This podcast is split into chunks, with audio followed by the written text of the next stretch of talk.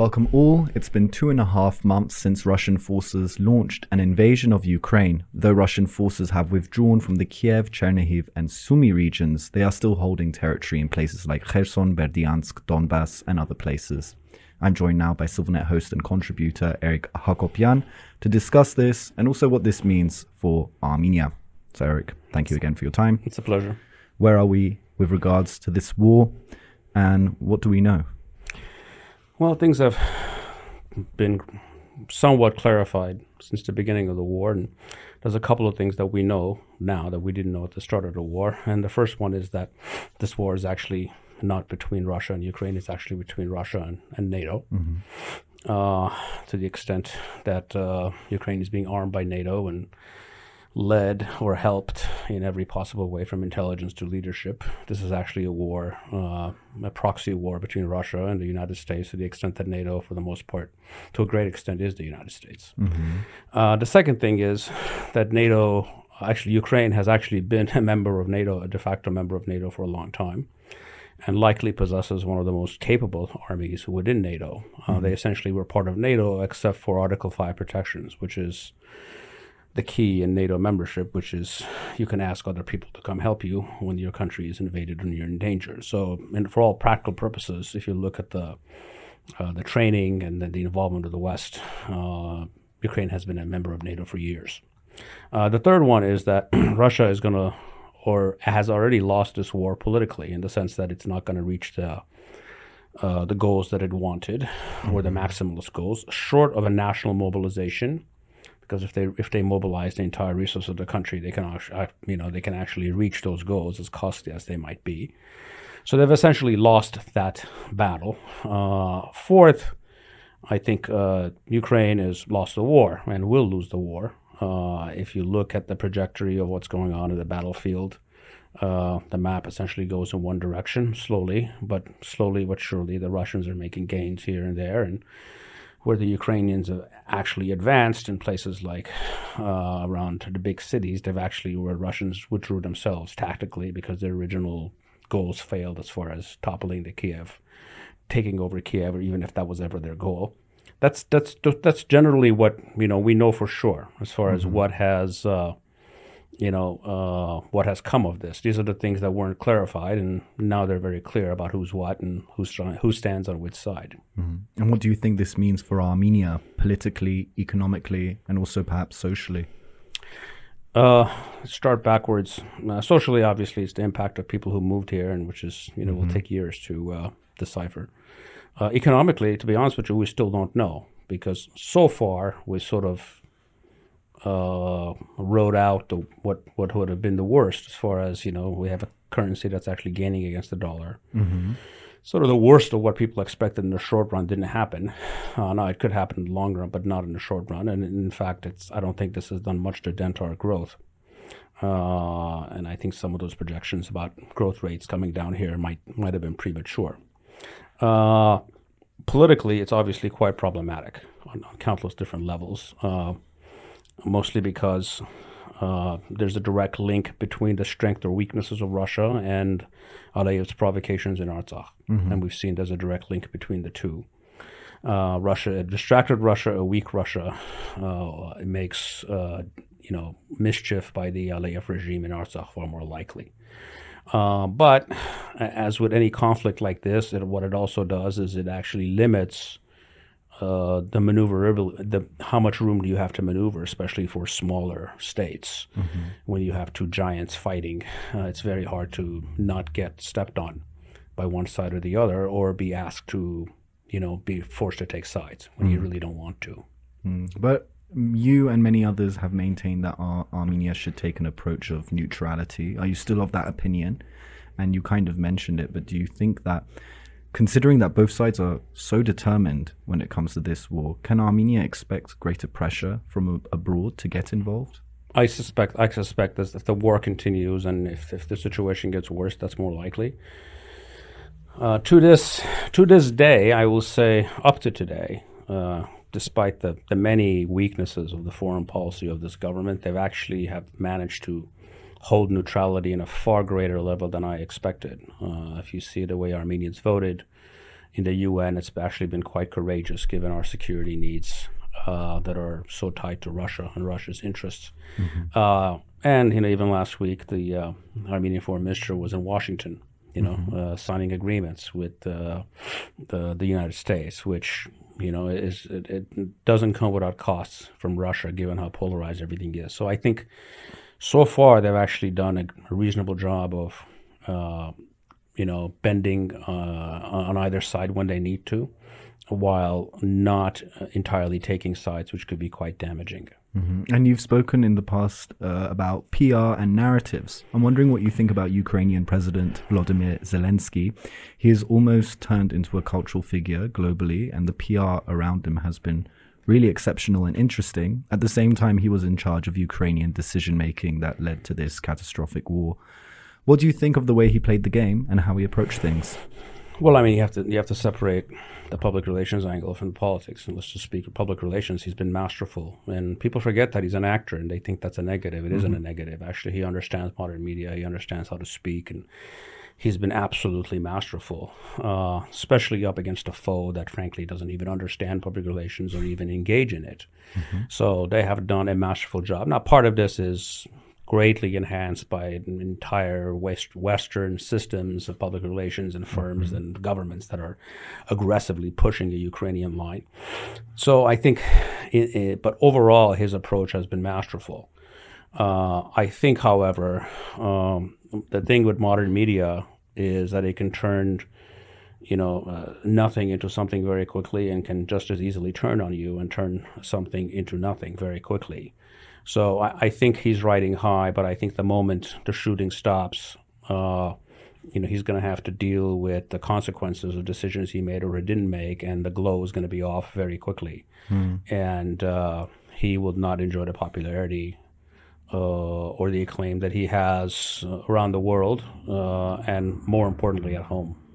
And what do you think were or are the biggest mistakes or misunderstandings, miscalculations that were made by both sides?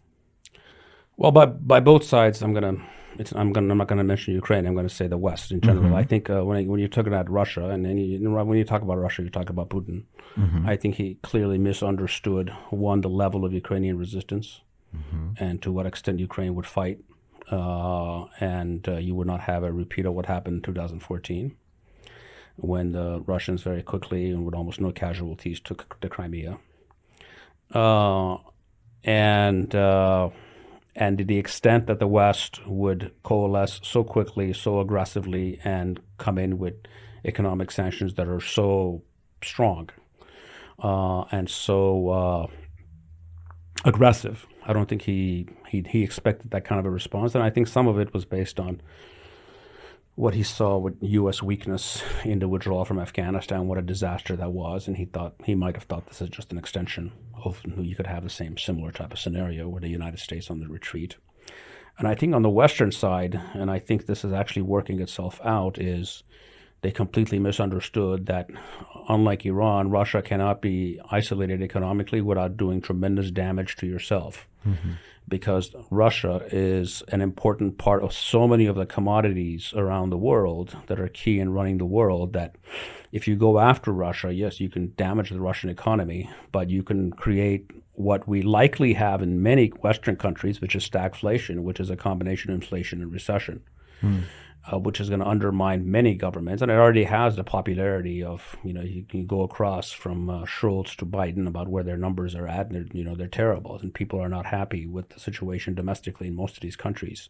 So I think they're underestimated the economic damage that the West would do to itself um, by the extent of Russian uh, influence or reach on these very important commodity markets at exactly the time when the world was just starting to come out of the COVID disaster. Mm-hmm. Uh, this just compounded everything and created an, an inflation firestorm, which is going to take down a lot of governments in the West. Mm. And of course, the peace talks going on between both sides have kind of stalled. Um, what's interesting, however, is that the war holds a lot of symbolism for both sides. And you have mentioned before that it is a civilizational war. Both sides are relentless and completely determined. Uh, the phrase war of survival has been used for both sides. How do you think the war is being perceived by both sides? And do you think this could turn out to be a long, protracted conflict? Yes, uh, I, I, think uh, short of some, uh, short of a complete Russian mobilization, what you're going to have is this Russia that is very slowly, you know, mile here, mile there on a daily basis, advancing and taking over the Donbass and mm-hmm. Luhansk region in their entirety, while probably trying to move towards Odessa. And you see it by the level of, you know, uh, fire that Odessa is receiving in the last couple of days, where they essentially would want to make Ukraine into a landlocked country. So uh, I think this is, uh, it's very clear that that's the direction that they're going to go in.